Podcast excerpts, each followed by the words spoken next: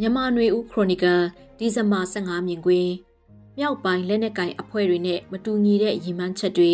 စစ်ပွဲတွေရဲ့တက်ရောက်မှုတွေဆိုတဲ့စောင်းပါးကိုဖတ်ကြားပေးပါမယ်မြန်မာနိုင်ငံမြောက်ပိုင်းတနည်းအားဖြင့်တိတိကျကျပြောရရင်မြန်မာနိုင်ငံအရှိမြောက်ဒေသရှမ်းပြည်နယ်မြောက်ပိုင်းကတိုက်ပွဲတွေက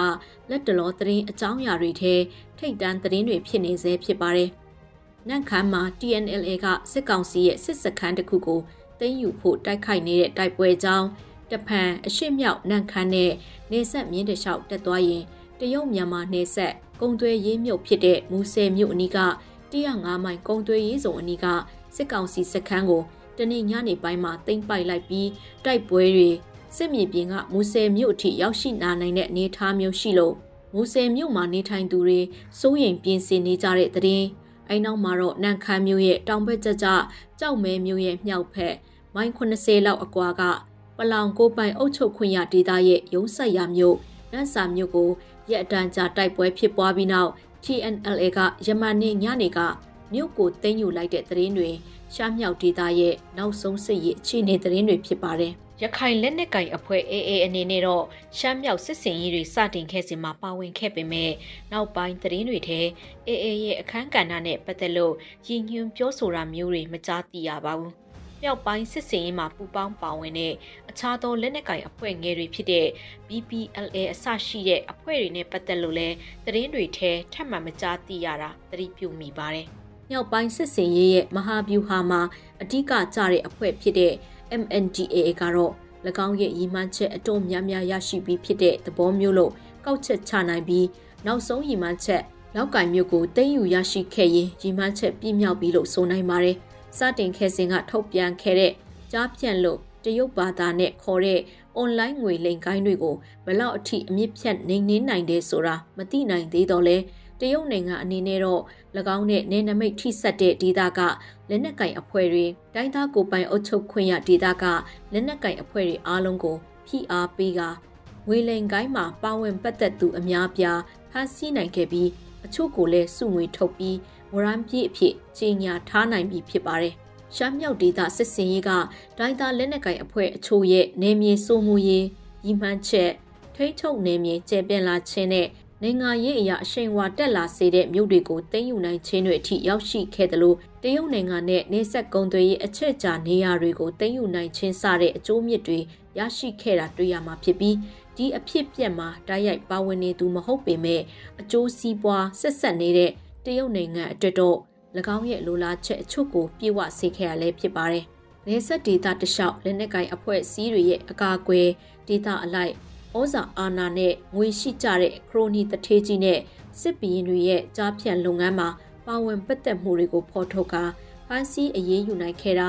ဝရမ်းထုတ်နိုင်ခဲ့တာတွေဟာတရုတ်နိုင်ငံအဖို့ရည်မှန်းချက်အောင်မြင်ပေါက်မြောက်ခဲ့ပြီလို့ဆိုနိုင်ပါတယ်။တစ်ဖက်မှာလည်း အကျိုးရလဒ်တွေကအကောင်းတွေကြီးတက်တက်လာတာမဟုတ်ပဲစိန်ခေါ်မှုတွေအကျိုးဆက်တွေမလိုလားအပ်တဲ့ဒုက္ခဒုက္ခတွေစီးပွားရေးထိခိုက်ပျက်စီးမှုတွေမြို့တွေသိမ်းယူနိုင်ပေမဲ့လည်းပျက်စီးသွားတဲ့မြို့တွေကိုထိမ့်သိမ်းကာကွယ်ရမယ့်တာဝန်တွေလာနဲ့ချီဆင်နွှဲတဲ့စစ်ပွဲရဲ့ကုန်ကျစရိတ်တွေကစစ်ကောင်စီစန့်ကျင်ဘက်လက်နက်ကိုင်အင်အားစုတွေအဖို့ရင်ဆိုင်ရမယ့်စိန်ခေါ်မှုတွေဖြစ်လာပါတယ်။စစ်ကောင်စီဘက်ကလည်းမြေပြင်မှာဆုံးရှုံးတဲ့လက်နက်တွေစခန်းတွေ၎ င်းတို့ရဲ့စစ်တပ်အင်အားတွေနဲ့အတူလေကြောင်းတိုက်ခိုက်မှုတွေနေ့စဉ်နဲ့အမျှတိုက်ခိုက်နိုင်ဖို့လက်နက်လေရင်စီအပိုပစ္စည်းစသဖြင့်ကုန်ကျစရိတ်တွေကစစ်ကောင်စီတင်မကပြည်တွင်းမှာကြက်ငွေတန်ဖိုးကြတဲ့အကျိုးဆက်လောင်စာစီလိုမျိုးစီးပွားရေးမောင်းနှင်မှုရဲ့ကြောရိုးဖြစ်တဲ့ပုံပျက်စီးလိုမျိုးရှားပါမှုတွေဖြစ်စေပြီးနေပအသီးသီးမှာကြရက်ရက်ခတ်က